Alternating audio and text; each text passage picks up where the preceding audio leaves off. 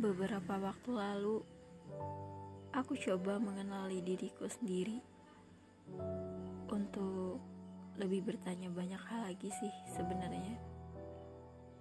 Karena aku gak pernah nanya keadaan diriku sendiri, entah karena takut, malu, atau karena aku bingung jawabnya gimana. Dan ternyata benar, aku tidak baik-baik saja ketika aku merasa nggak ada yang salah. Ternyata di situ letak masalahnya. Ketika aku merasa everything will be fine. Ada Dina, ada Nawang, ada Rin. Mereka bantu melengkapi dunia baruku An. Tetapi ternyata sebagian dari diriku sudah mati hari itu. Iya. Yeah hari itu An. Kamu pasti tahu dan masih ingat karena kamu yang nentuin. Sampai sekarang aku nggak pernah bisa menerima itu.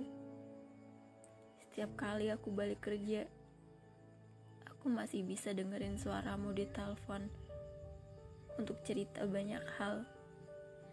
Masih bisa dengar suara panggilan istimewamu untukku Aku gak bisa marah sama keadaan sekarang karena aku bahkan gak bisa nerima itu. Susah sekali untuk percaya dengan apa yang aku lihat. Untuk menerima perkataan orang-orang itu adalah hal yang benar.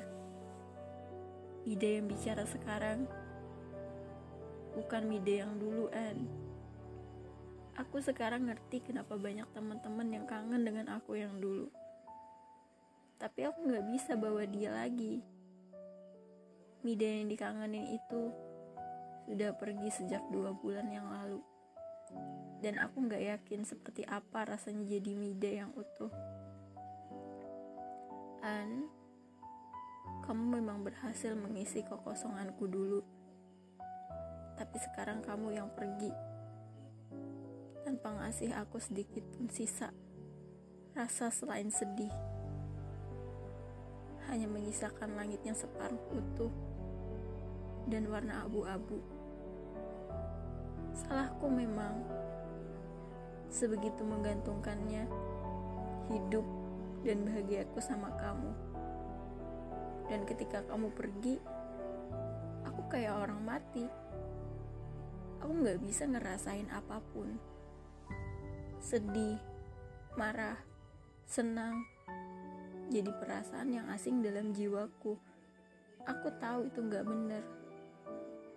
Dan aku harus mulai semua lagi dari awal.